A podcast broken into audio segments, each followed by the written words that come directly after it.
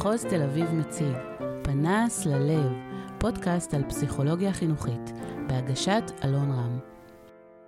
ברוכים הבאים לפנס ללב, הפודקאסט הראשון בעברית על פסיכולוגיה חינוכית של מחוז תל אביב. אני אלון רם, פסיכולוג חינוכי מתמחה בשירות הפסיכולוגי חינוכי התפתחותי ברמת גן.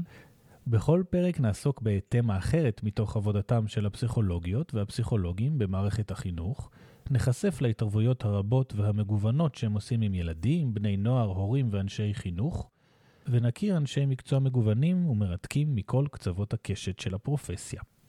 ובפרק היום נעסוק בנושא הלהט"ב. להט"ב ראשי תיבות, לסביות, הומואים, טרנסג'נדרים וביסקסואלים. המונח נטבע בסוף שנות ה-80 בארצות הברית.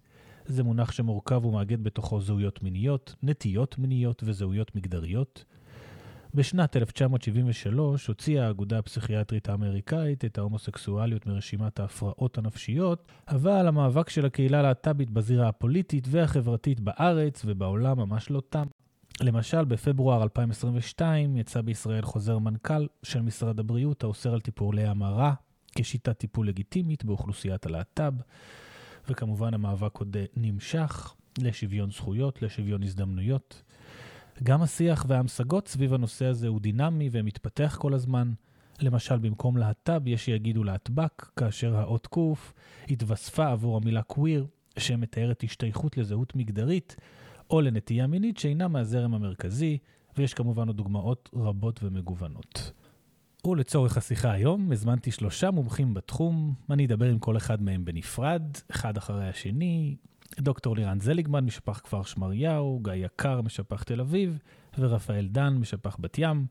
והעורך הראשון שלי הוא כאמור דוקטור לירן זליגמן משפח כפר שמריהו, פסיכולוג חינוכי מומחה ומנהל את השפח בכפר שמריהו, מרצה במרכז האקדמי פרס ובאוניברסיטת בר אילן, חבר הפורום הארצי ליחידות להט"ב, מדריך הורים ומטפל בקליניקה פרטית בילדים, נוער ומבוגרים, עם ניסיון רב באוכלוסיית הלהטב"ק.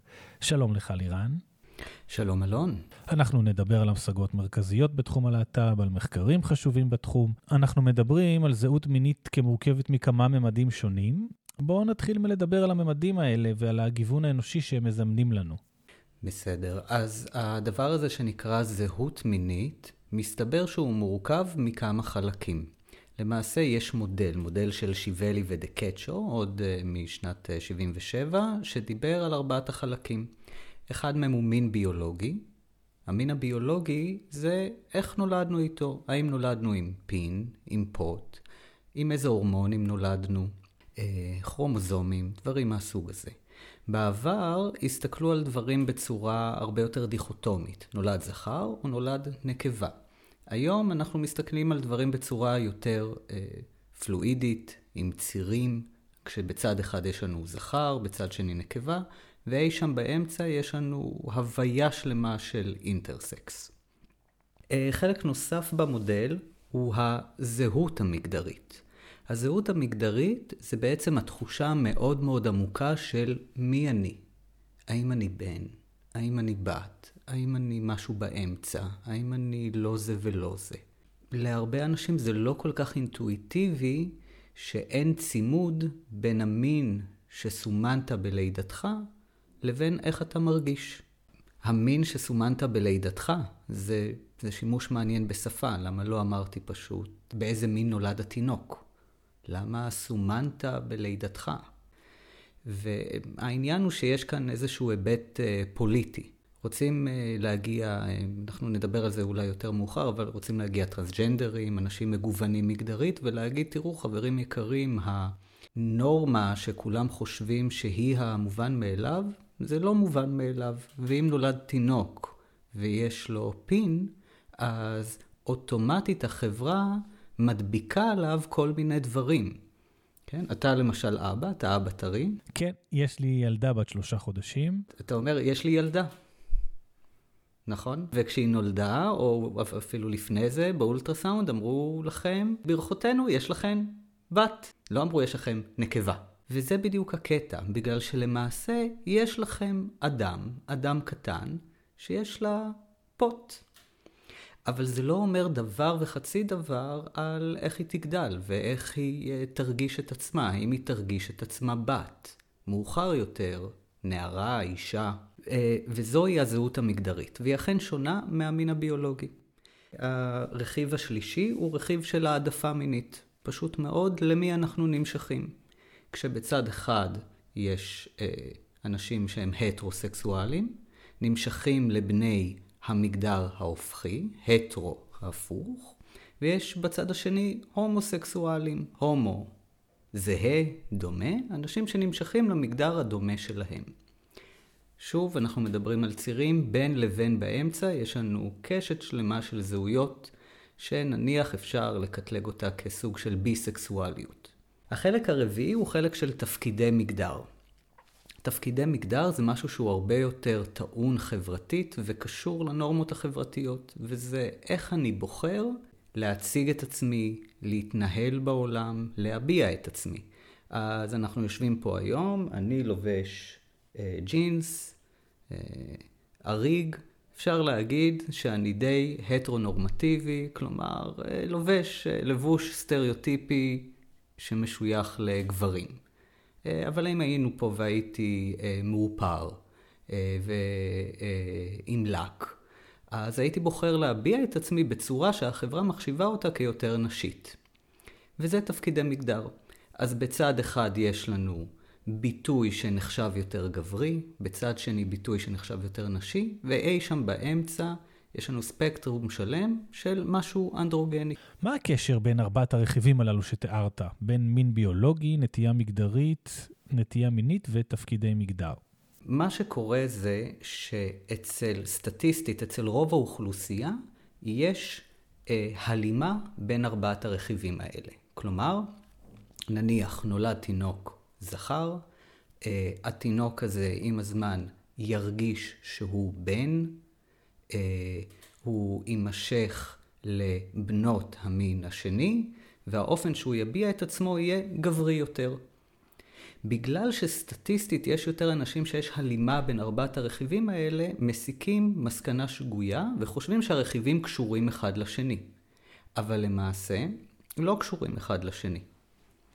לצורך העניין, תפקידי מגדר, יכול להיות מישהו שבוחר להביע את עצמו בצורה נורא נורא נשית, ישר יקפצו ויבואו ויגידו, אה, הוא עם לק, הוא עם אה, איפור, הוא בטח הומו. בואו נדבר על מחקרים משמעותיים בתחום. אנחנו יודעים שחלק מהמחקרים מצאו תוצאות מפתיעות. אם אנחנו מדברים על מחקרים, אז המחקר המפורסם ביותר הוא המחקר שערך אותו אלפרד קינזי. הוא פתח מכון אה, ענק לחקר המיניות בארצות הברית.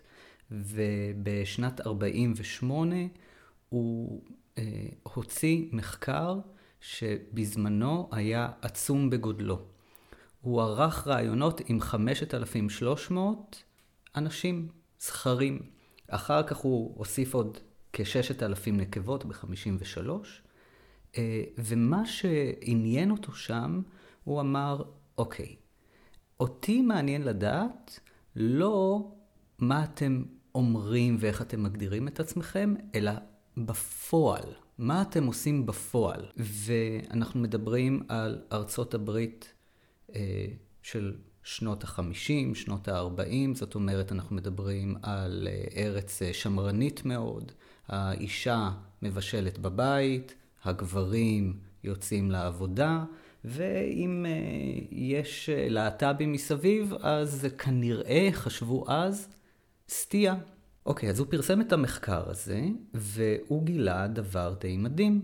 הוא גילה שאין לנו רק אנשים שבפועל אה, שוכבים או מקיימים איזה שהם יחסים מיניים עם בני המין השני, או עם בני המין שלהם, יש לנו ספקטרום שלם. שבצד אחד יש לנו הטרוסקסואלים לחלוטין, בצד שני יש לנו הומוסקסואלים לחלוטין. אני אומר הומוסקסואלים, אני מתכוון ללסביות גם. אה, ובאמצע יש לנו ביסקסואלים, כלומר שברמת ההתנהגות המינית ממש 50-50. בין לבין יש לנו עוד קטגוריות שהולכות יותר לכיוון הזה ויותר לכיוון השני. טוב, אבל עוד יותר מעניין הם האחוזים. הוא מצא שיש בערך כ... 11% מהגברים שהיו ביסקסואלים לחלוטין. בסך הכל, אם אנחנו מדברים על אחוז לא הטרוסקסואלים ב-100%, 40 ומשהו אחוז. בפועל, במיניות, אנשים הרבה יותר מגוונים ממה שחשבו. וממה שהם מצהירים.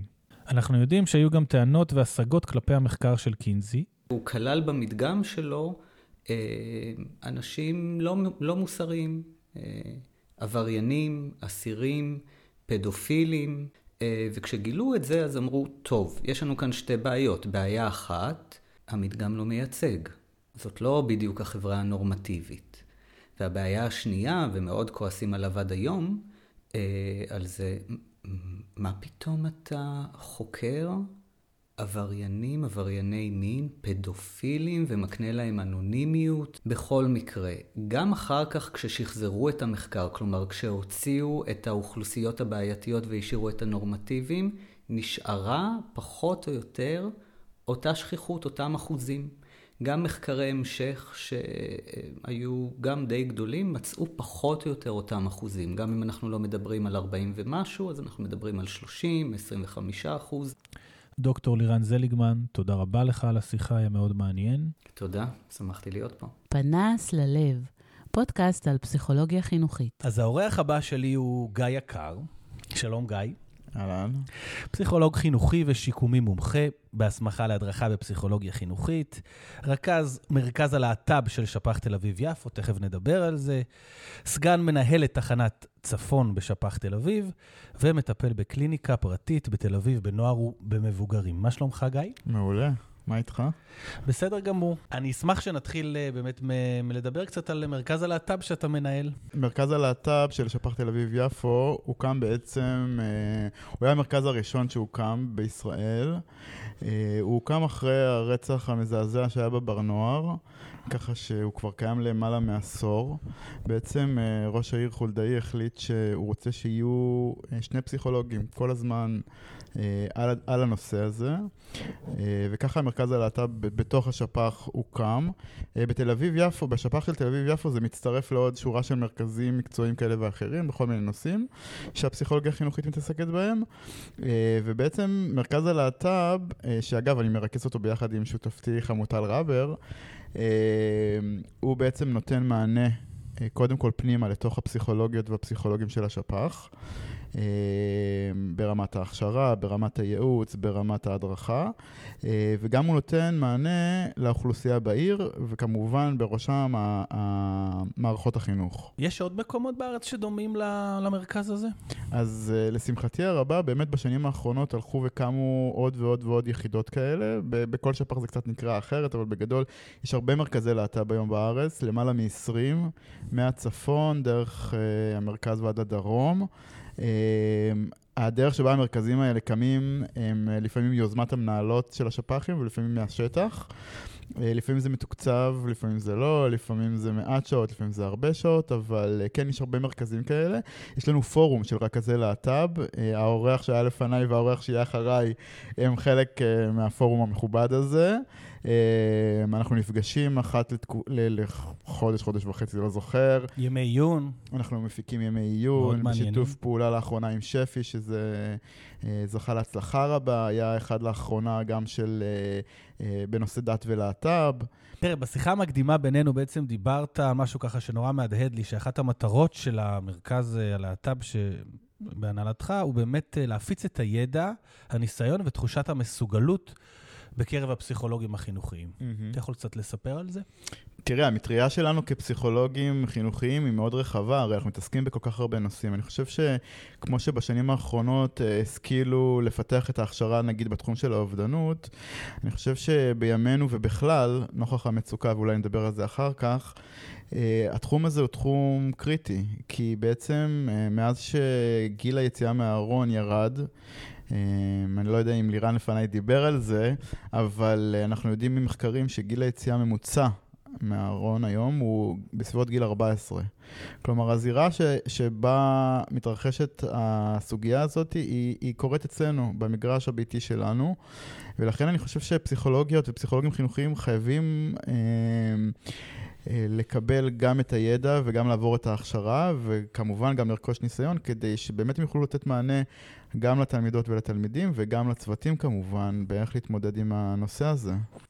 דיברת באמת על זה שאנחנו uh, כפסיכולוגים רוצים לתת מענה לסוגיות שעולות מהשטח. אז בואו נדבר קצת על אילו סוגיות עולות מהשטח, אם זה אלימות, אם זה באמת סוגיות של יציאה מהארון, גיבוש זהות. אז תראה, הסוגיות הן uh, מאוד רחבות ומאוד משתנות באופן uh, טבעי בין בתים שונים, בין בתי ספר שונים, בין אזורים שונים, נגיד בעיר תל אביב-יפו, החל מסוגיות שהן מאוד uh, uh, נקודתיות, נגיד כמו, כמו שהזכרת באמת יציאה מהארון, דרך uh, שינוי מגדרי וכלה בסוגיות יותר רחבות.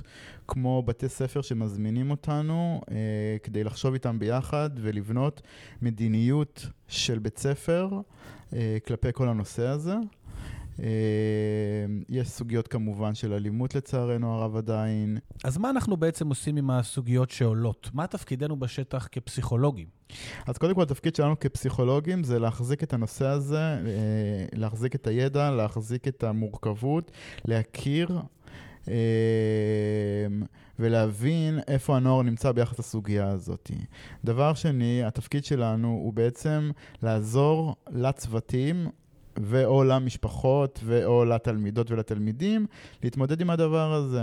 לפעמים הדבר הזה הוא עוד סוגיה זהותית אה, אה, נוכח גיל ההתבגרות, אה, ולפעמים זה אה, נתקל בכל מיני מהמורות וקשיים בדרך, כמו אלימות, כמו אה, אה, קושי לצאת מהארון, כמו אה, אה, קושי להתמודד עם זה באופן אה, אה, אינטרה-פסיכי וכולי וכולי.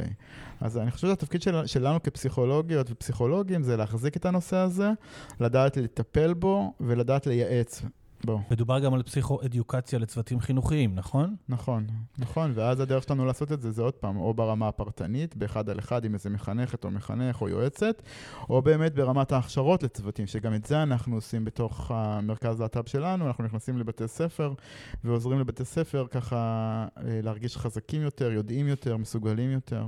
בהחלט יש משמעות מאוד גדולה לפסיכולוגיה החינוכית בהיבט הזה, גם בשינוי עמדות, וגם בגלל שאנחנו בדופק של החיים, אנחנו יכולים ממש להרגיש את השטח. בשטח ולתת מענה. אני אשמח לאיזושהי דוגמה גם לעבודה מערכתית משמעותית שהיית חלק ממנה וגם לעבודה פרטנית. כן. אה, בשמחה, אני, אני רק uh, בגלל שזה פודקאסט, ואז אני אשמור ככה כמובן על חיסיון. בוודאי. Uh, ברמה המערכתית אני אתן uh, שתי דוגמאות, אחת קטנה יותר, שזה נגיד uh, בית הספר uh, שבעצם uh, uh, התמודד עם תלמיד uh, שרצה uh, לצאת מהארון כטראנס, uh, והתעוררה שם חרדה מאוד גדולה בתוך הצוות עם המשפחה, וככה נכנסנו למקרה הזה ועזרנו לבית הספר לבנות איזושהי תוכנית התערבות סביב היציאה שלו מהארון. Uh, וזה היה יחסית ממוקד, ואז יצאנו משם, והפסיכולוגית של בית הספר, שכמובן תמיד נמצאת בתמונה, והיא חלק מההתערבות, אה, המשיכה אחר כך ללוות את המקרה. אז בעצם יש פה...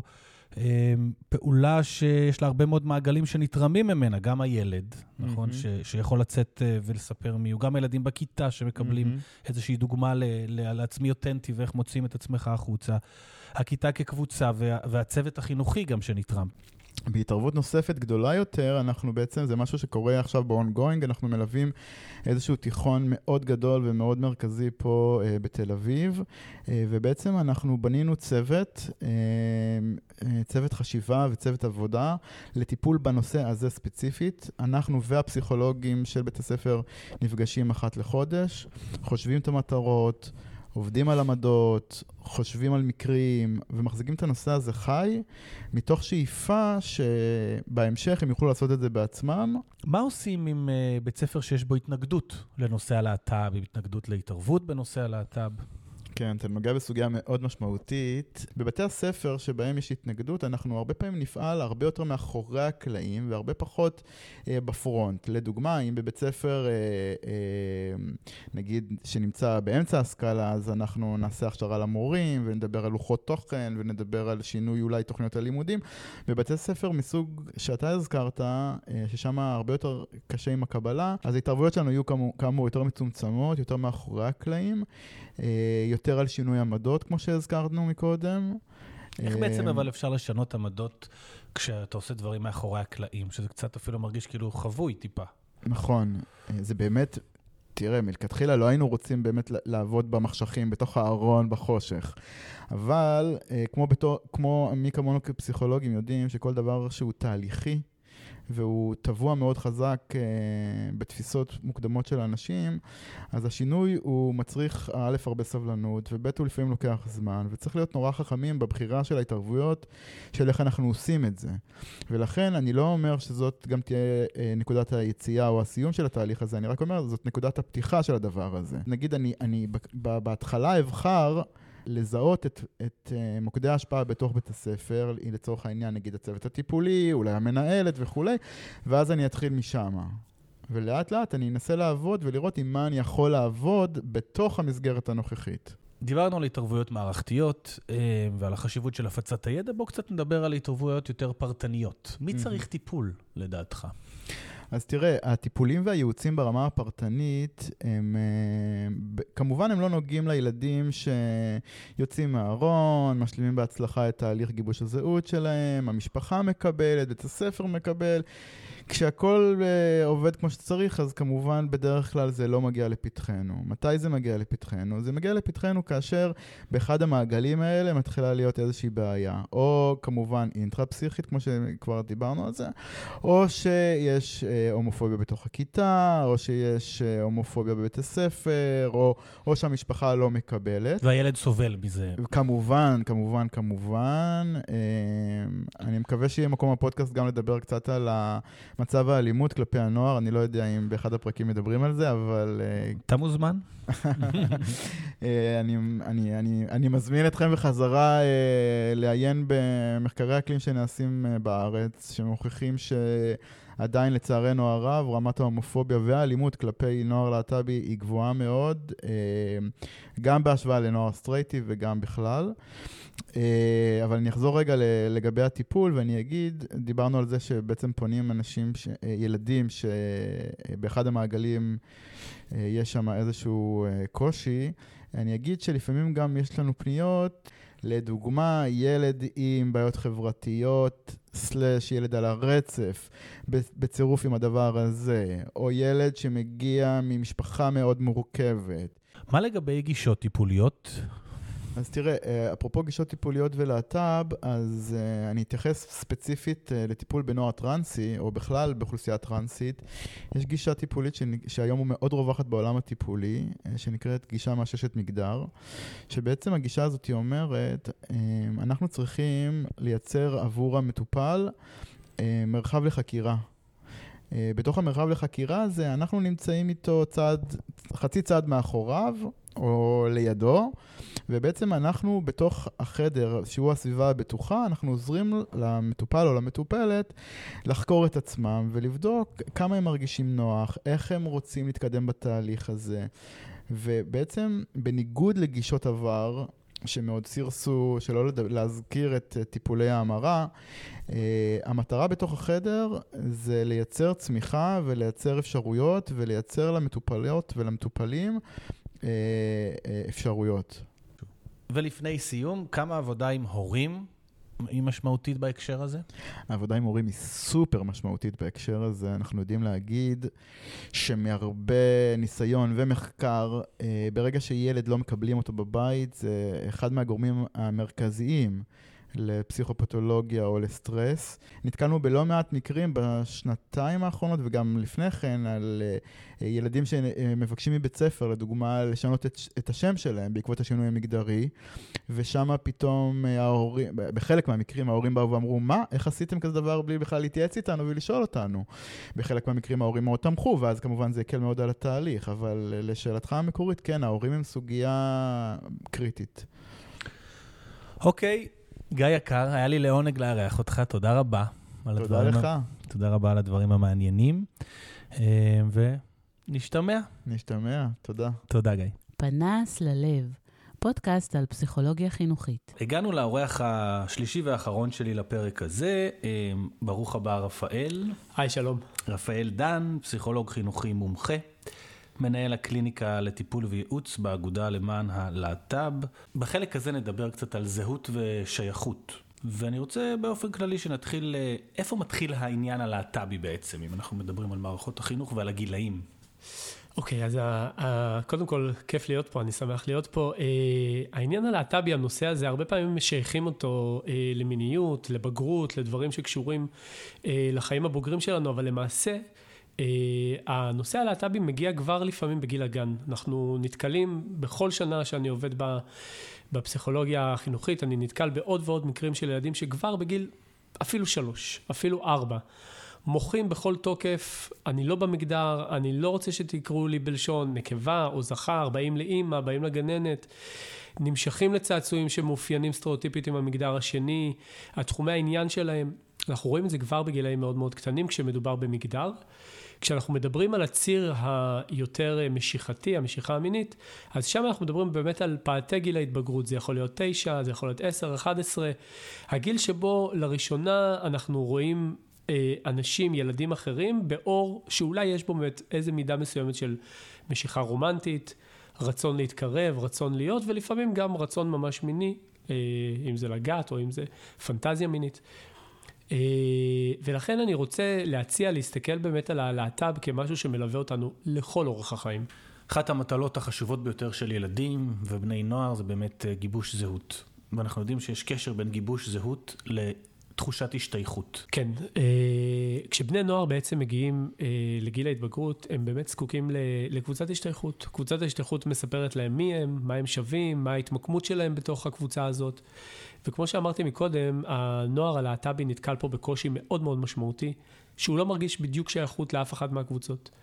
בעצם בנקודה הזאת מתחיל איזשהו אה, משחק בין העצמי האמיתי שלהם לעצמי הכוזב. ה-fall self הוא בעצם איזשהו יצר הישרדותי בהקשר הזה, שאומר להם, אתה זקוק לקבוצת השתייכות, אתה זקוק לאנשים שיהיו איתך, אתה לא יכול להיות בודד. והקול הזה, הקול הזה שיש בו מצד אחד משהו שורד, שרדני, ומצד שני משהו שמושך אותם למקום לא טוב, למקום שבו הם יתחילו לפתח בעצם איזשהו fall self. מהצד השני יש את האני האמיתי שלהם, אה, וויניקוט מדבר הרבה וגם מצוטט את פרויד, עד כמה החלקים של המיניות הם חלקים שבעצם מאותתים לנו איפה נמצא ה-true self. ה-true self בעצם של הנוער הלהט"בי נמצא במקום שבו זאת הזהות האמיתית שלהם. עבור מאזיננו שלא מכירים את המונחים עצמי אמיתי, עצמי כוזב, אני רק אגיד שזה מונחים שטבע הפסיכואנליטיקאי דונלד וויניקוט. עצמי אמיתי זה אדם שמפתח זהות אותנטית, יצירתית וחיונית. העצמי האמיתי מייצג את האישיות הבריאה שמתעצבת בשנות החיים הראשונות של התינוק, אם הוא זוכה לסביבה מחזיקה ומספקת מצד האם. לעומת זאת, וויניקוט מדבר על כך שכאשר האם לא מספקת לילד סביבה מחזיקה, הנענת לצרכיו באופן אמפתי, קורה תהליך הפוך שדורש מהילד בעצם להתאים את עצמו לצורכי הסביבה, וזו הדרך לפיתוח עצמי כוזב. רפאל, אנחנו מדברים על להט"ב וזו קשת רחבה מאוד של מגוון אנושי. האם יכולים להיות בכלל צרכים משותפים כאשר יש זהויות כה רבות? כל, כל אות בקשת הלהט"ב או הלהטב"ק זקוקה למשהו אחר. אם יש לי עניינים של מגדרים, אני זקוק למשהו אחד. אם יש לי עניינים של משיכה מינית, אני זקוק למשהו אחר. אם ההורות שלי. אבל מה שמשותף לכולם זה שכולם צריכים אה, אה, קבוצת השתייכות, כולם צריכים מקומות שהם יכולים לפנות אליהם לתמיכה, כמו כל בן אדם. אם אנחנו רגע מדברים על, אה, על הומואים ולסביות ובגיל ההתבגרות, אחד מהבעיות הכי קשות היא שאין קבוצת שייכות. הם לא מרגישים לגמרי שייכים לקבוצת הבנים ב-100%, הם לא מרגישים שייכים לקבוצת הבנות ב-100%. אנחנו יודעים כפסיכולוגים כמה, עד כמה בעצם קבוצת ההשתייכות עד כמה היא בסיסית, עד כמה היא חשובה לנו, עד כמה התחושה של להיות לבד עם, ה, עם הבעיות והקשיים שלנו זה מתכון לאסון. אה, ואני מוצא הרבה פעמים בשיחות שלי עם נוער, עם נוער להטב"קים, מכל הקשת, אני מוצא המון המון בדידות, המון נערים ונערות שמגיעים אליי שבורים, אה, שכשאנחנו נוגעים בנקודה הזאת של בדידות, של מה היה עד עכשיו, כמה לבד היית, הם, הם לפעמים מתפרצים בבכי. כמה עצבות היה שם וכמה בדידות. כי הרבה פעמים כשאנחנו באיזושהי בעיה, אנחנו הולכים אה, לאבא או לאימא, אנחנו, אם אנחנו רואים קבוצות אה, אחרות שנתקלות בקשיים בבתי הספר, למשל ילדי הקהילה האתיופית שיכולים לקרוא להם בשמות בבית ספר, ילדים מאוד שמנים או ילדים רוסים, הם בעצם אה, חוזרים הביתה ואומרים לאמא, אמא, צחקו עליי, אמרו לי ככה, והאמא מנחמת או האבא מעודד, לפעמים מתקשרים למורה. הילד הלהט"ב, הרבה מאוד פעמים, אחד מהאיומים הכי גדולים שלו זה שאבא ואמא ידעו. Hmm. זה שמישהו ידע.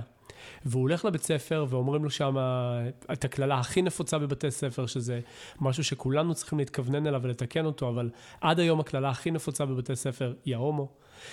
אה, הילד חווה את האגרסיה הזאת, הוא לא יודע מה לעשות איתה. הוא חווה אותה, הוא מרגיש שאולי יש בה משהו נכון, זה איום מאוד מאוד גדול על, ה, על השלמות שלו, על העצמי שלו, על ההתפתחות שלו, והוא בעצם בא הביתה, והוא לא יכול לספר על זה לאף אחד, הוא נחנק עם זה לגמרי לבד. ומכאן הבדידות שתיארת.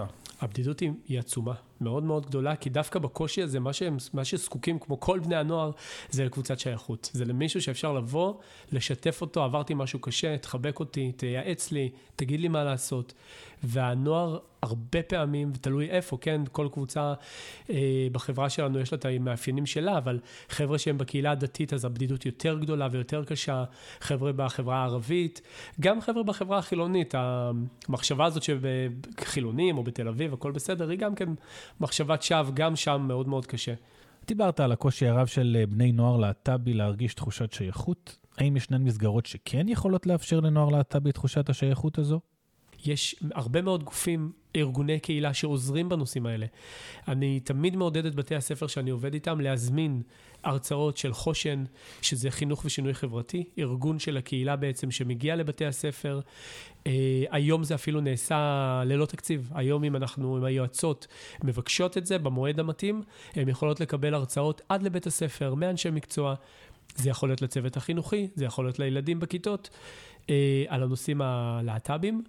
אה, יש את אותו הארגון שנקרא שובל, שעושה בדיוק את אותו הדבר במסגרות דתיות, מנגיש את זה בצורה מאוד מתאימה ורגישה. אה, בצורה שתהיה מותאמת, ויש את איגי. איגי זה בעצם מסגרת השתייכות. איגי זה פשוט, אה, באמת, אה, אין לי מספיק, אין מספיק מילים להגיד כמה בוא איגי... תספ... בוא תספר לנו קצת על איגי באמת. אה, איגי זה בעצם תנועת נוער חברתית, היא לא טיפולית, היא לא בקונטקסט של באנו לטפל בך, באנו לשנות אותך, להפך. היא מקום שאומר, בואו, יש לכם פה בית, הנה אנשים כמוכם. בתוך איגי יש קבוצות שמתאימות את עצמם. אם אני טראנס, אז יש לי קבוצה של טראנסים. אם אני גיי, אז יש לי קבוצה של הומואים כמוני, אה, יש קבוצות חרדיות ויש קבוצות דתיות. בעצם זה בא אה, לעזור בדיוק במקום שדיברנו עליו. אנחנו רוצים אה, לגבש זהות, ובשביל זה אנחנו צריכים קבוצות השתייכות, אז איגי בא ונותן לנו קבוצות השתייכות. אנחנו ככה לפני סיום, בשיחה המקדימה דיברנו על כמה הפסיכולוגיה חינוכית משמעותית וחשובה בסיוע לילדים ובני נוער להט"בי. פסיכולוגיה חינוכית היא מענה מצוין, יש לה יתרון עצום מכל הפרופסיות הפסיכולוגיות בטיפול בלהט"ב. הסיבה היא פשוטה, הפסיכולוגיה החינוכית היא אקולוגית, היא רואה את הנער בכל המסגרות בהם הוא נמצא, וזה בדיוק, בדיוק מה שהטיפול בלהט"ב מבקש לעשות. טיפול אה, מאשש מגדר, טיפול מאשש מיניות. אה, זה בעצם ה guideline לטיפול בלהט"ב, ומה שאנחנו בעצם מבקשים ב guidelines האלה, זה לראות את האדם בתוך הסביבות שלו, לטפל במצוקות שעלו לבן אדם או לנער, וגם לטפל בסביבה. וגם להנגיש מה, למה ההורים זקוקים, אם הנער או הנערה עוברים אה, שינוי התאמה מגדרית, הם זקוקים לאיזשהו אה, מענה, לאיזשהו הסברה, להדרכה ולליווי, איך הם נפרדים בעצם מהנער שהיה להם. היה להם ילד, ילד בשם מסוים, עם מראה מסוים, והם עכשיו אולי הולכים לקבל ילדה אחרת, עם ממש, שם אחר. ממש תהליך של אבל שהם צריכים לעבור. יש פה תהליכי אבל לכל דבר ועניין, גם הנער שמקבל על עצמו זהות אחרת, גם ההורים שמקבלים לפעמים ילד שהוא נראה אחרת, הוא לא באמת אחר, כן? חשוב לי לומר את זה, זה אותו הילד או אותה ילדה, אבל זה נראה אחרת, ואולי השם ישתנה, ואולי המראה ישתנה. אם ההורים אה, עוברים את התהליך טוב, בסוף התהליך הם נזכרים שזה בעצם אותו, אותה נשמה שם בפנים. אז רפאל, תודה רבה על השיחה המעשירה הזאת. תודה, שמחתי להיות פה. אני רוצה להזכיר למאזינים שלנו שאפשר להאזין לפודקאסט פנס ללב אה, בספוטיפיי וגם באפל פודקאסט. מוזמנים לשתף את הפרק ולהפיץ. נתראה בפרק הבא.